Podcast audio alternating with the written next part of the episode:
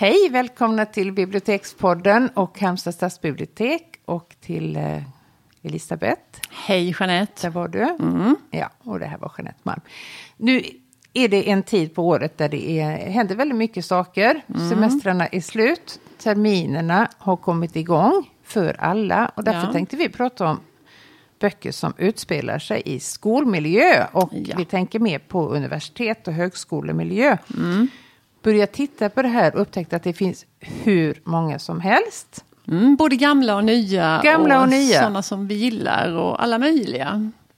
Varför tror vi att det är en sån stor genre?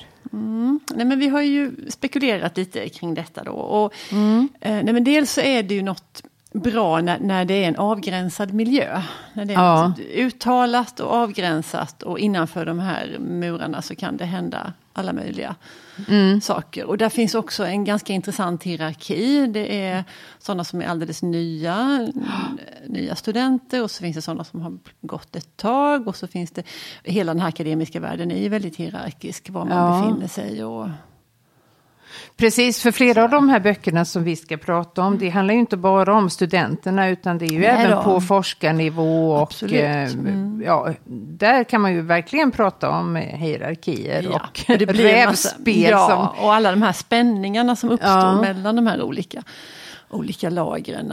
Eh, och det är också eh, miljöer där människor möts som kommer från alla möjliga håll och som mm. inte hade kanske säkert träffat på varandra annars. Nej som kommer från olika ställen i landet och i världen och från olika, har olika bakgrund, studievan miljö eller inte. Och Precis. Sådär. Jag tänker också att det är så nytt, även om alla då naturligtvis har kommit dit via gymnasiet så är det ju helt andra regler som gäller mm. egentligen på mm universitetsnivå. Där finns mm. ju ingen som håller efter en och äh, ger läxa. Utan det är väldigt mycket eget ansvar och ja. det är mycket ett helt eget språkbruk egentligen. Mm. Eh, mm. Som man måste tillägna ja. sig om man inte har det. Och mm. skriva på ett akademiskt sätt. Och, eh, ja. Och, det kan, och på något vis är det väl också första gången i livet som man verkligen får välja helt själv väldigt, mm. det här vill jag liksom, det här ja. vill jag läsa, det här vill jag förkovra mig inom och inte få liksom gymnastik eller tyska på köpet. Nej, liksom, utan man, exakt, man, exakt. Har det, man har renodlat och förhoppningsvis hittat något som man verkligen vill ägna ja. sig åt. Så det är en ytterligt speciell period i livet när man Precis. verkligen får välja själv och hålla på med det. Ja. Herregud. Ja, nu blir jag sugen. Mm, vill jag plugga igen? Ja, vi får se. vi har ju några avskräckande exempel. Det har vi ju faktiskt. Mm. Eh, vad säger du om din ja, men jag första bok? Ja, det var ju faktiskt en väldigt en mm, stor och eh, stark och härlig läsupplevelse när jag ganska nyligen läste En enastående karriär som romanen heter och den är skriven av Martin Engberg.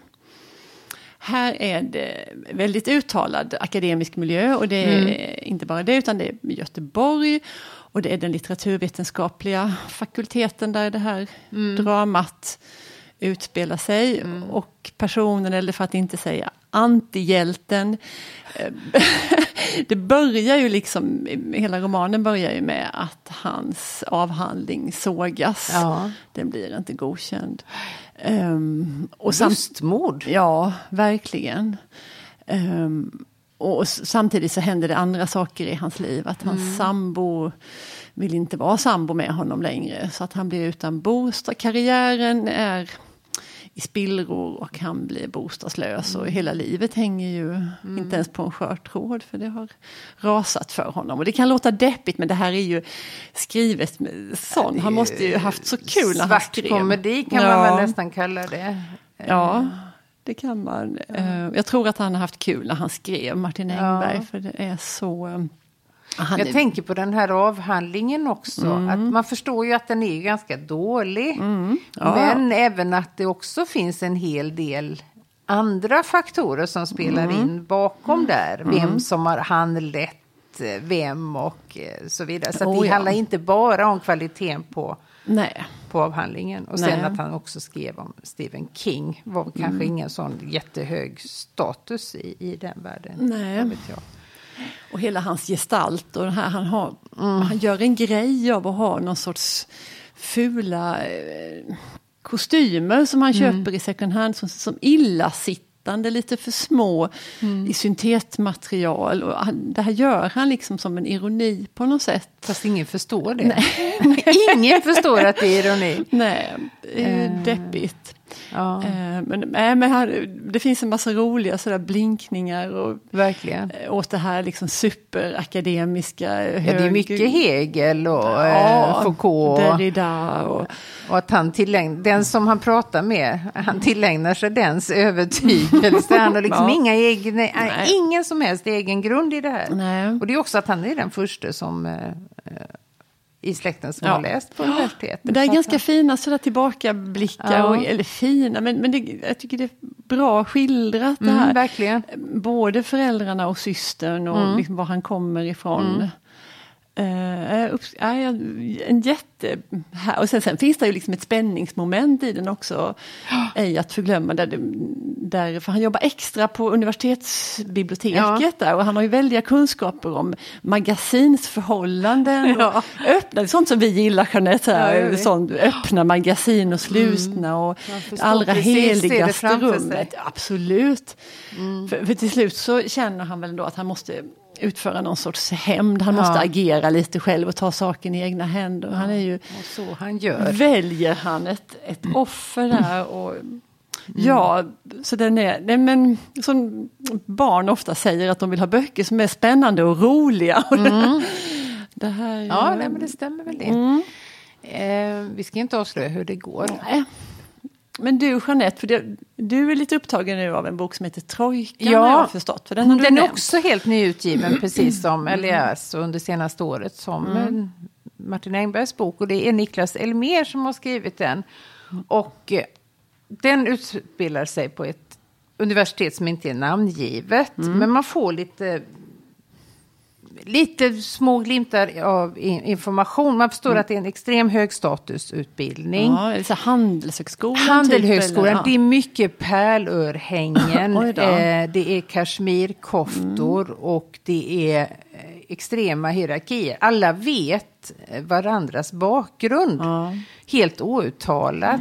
Och då sitter man på seminarierna och föreläsningarna, då sitter man i de här grupperna beroende grupp. på vilken, eh, var i hierarkin man befinner sig. Oj, oj. Jättehemskt Mm. och alltså väldigt skarpt beskrivet. Eh, han är ju en iakttagare den här eh, huvudpersonen. Han Mm. har också gjort en klassresa. Det är väldigt, väldigt mycket av alla de här romanerna vi har läst så är det faktiskt sociala klättrare Mm. Ja, som. Mm. som beskriver den här världen. Och det, det är ju intressant egentligen. Trojkan syftar då på, som boken heter, syftar på tre studenter som är eliternas elit. Mm. Och de bestämmer egentligen precis allting där. Och eh, också vem som får närma sig dem och vem som får tilltalas av dem. Men du, här, den här boken handlar mest om liksom studenterna sig emellan. Det är Ja. inte så mycket... Ja, ja, nästan Ja. enbart skulle jag Mm, vilja säga. Eh, jätteintressant och den är heller inte speciellt tjock. Nej. Eh, Ja, men den är jag Ja. jättenyfiken på. mm, fått Ja. goda recensioner så den kan jag rekommendera. Ja, men du, sen har vi ju en gemensam favorit som Mm. vi bara höll på att prata om i flera år, så var det det bästa vi visste. Ja. Och det är ju Stoner av John Williams. Och snacka om... eh, Ja, men det var ju det årets eh, Elena Ferrante kan man väl Ja. nästan säga. Alla skulle läsa Stoner. Mm, precis. Eh, Och han gör ju också en klassresa och förflyttar ju sig från en väldigt torftig agrarmiljö på landet. Med gamla mamma och gamla pappa och aldrig brukade de prata så mycket med varandra Nej. utan de gjorde vad de skulle och skötte sitt Ja. lantbruk. Och det han skulle läsa var ju heller inte Nej. något eh, humanistiskt ämne. Nej, utan det var ju inte. faktiskt, eh, vad heter det? Ja, lantbrukslära. agronomi. Agronomi heter Ja, det nog ja. För det var någon, någon avlägsen släkting som hade snappat upp det där. Att Ja. det där med att läsa kanske ändå.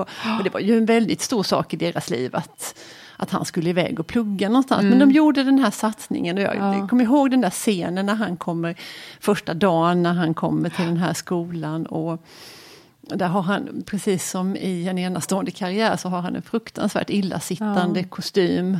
Men det var inget val i hans fall, Nej, utan det var ju ren absolut fattigdom. Inte. Det var ren och skär fattigdom. Men, men och hur han grips av det här. Och där för alla blivande agronomer så ingick det en obligatorisk kurs i, Ja. i amerikansk litteraturvetenskap. Ja.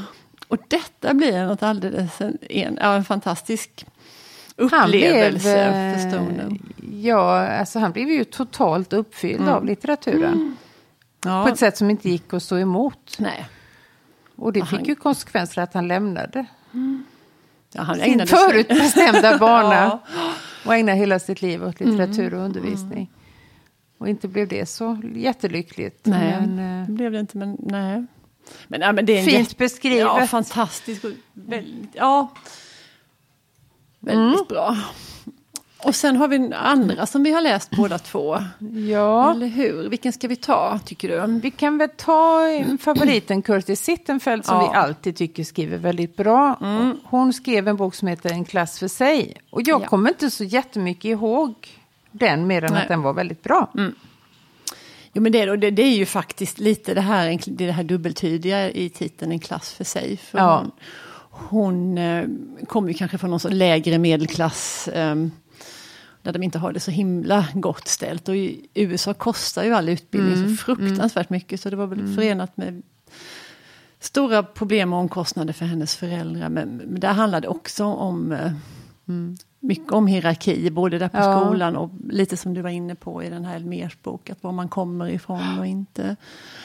Eh, mycket om relationerna mellan studenterna där. Den var, den var jätteintressant. Ja, Sen har ju jag en favorit från Mm. förra året eh, som faktiskt blev nominerad till Augustpriset och det var Therese Bomas Aftonland. Och där är det Ja. inte studenter, eller det är i och för sig en doktorand som eh, har en ganska central roll Mm. där. Men framförallt handlar det om professorn Carolina ja. eh, som också har gjort en extrem klassresa från då arbetarbakgrund till att ha blivit det finaste man kan bli i den akademiska världen.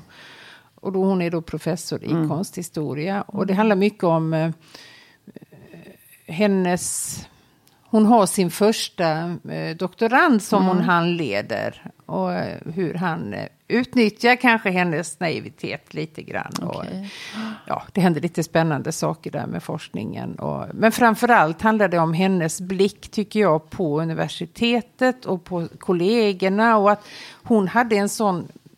Innan hon kom in i den här Mm. världen så trodde hon... Alltså det var så upphöjt för henne Ja. med akademiska studier. Så hon trodde att alla satt och pratade om Högstämda ämnen. Ja, exakt. Mm. Och var, alla var jättelärda och jätteintellektuella precis hela tiden. Mm. Och sen visade det sig att de sitter liksom och pratar om Tv-program. Ja, bullerrecept Ja. och precis som det, så det blir, alltså hon beskriver det så himla bra, krocken mellan hennes bild och verkligheten. Mm. Förväntningarna och hur det blev. Jag kommer ihåg att du läste högt för mig ett kapitel där. Som, Mm. Var det inte just sådär hur det skulle firas kanelbullens dag eller det skulle Jo. firas något sånt där och hon kände sig så fruktansvärt. Hon var så Offer. ensam, för det, allting eh, byggde så mycket på gemensamhet och det hade inte hon. eh, Utan hon levde, hade ett trassligt privatliv kan man säga. Ja, och då, och då var det den här scenen att hon beskriver det. Hon klär av hela det här konceptet liksom med kanelbullens dag. Så, eh, Att ha någon att baka till eller Ja. ha någon att köpa hem två Till. kanelbullar Ja. till för nu ska vi fira kanelbullens dag. Ja. Otroligt eh, välskrivet och bra, bra bok. Ja, och sen kan vi inte prata om det här med utbildning och utbildningens betydelse utan att än en gång nämna Ferrantes Nej. fyra böcker. För där är det ju verkligen en, en sån, ja, alltså utbildningens betydelse, vad som Ja. händer med den ena av de här två väninnorna som, som studerar och, eh, och den andra som inte gör det och spänningarna däremellan. Mm. Ehm, Och hur det hela tiden, genom alla böckerna så blir ju det en sån klyfta mellan dem. Ja. För de var ju precis lika begåvade. ja. Eller den som inte fick studera kanske till och med var ännu mer begåvad. Eller hade en naturlig fallenhet. Eh, Elena som fick läsa, hon fick ju Kämpa. kämpa väldigt mycket.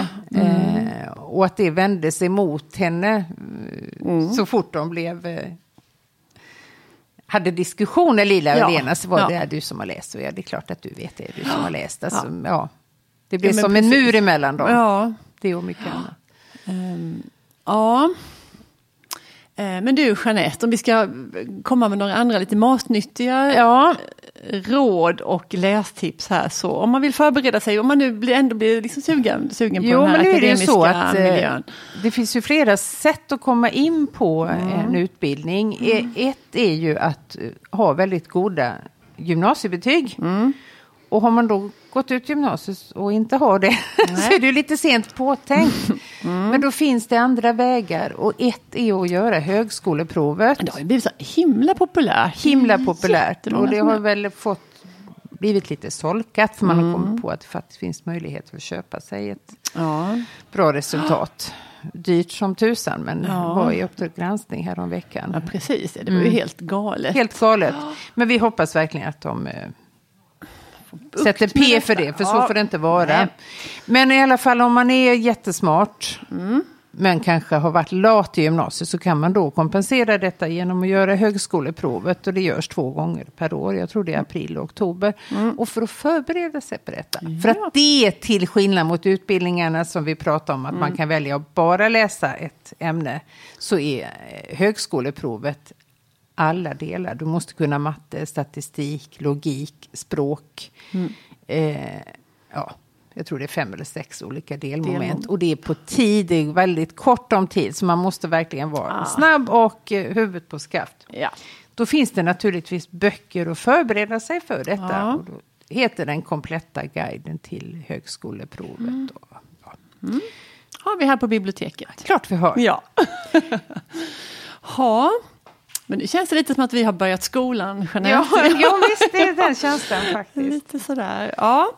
Men eh, vi tackar för idag och vi återkommer med andra infall och boktips mycket snart. Tack för idag. Tack och hej. Hej!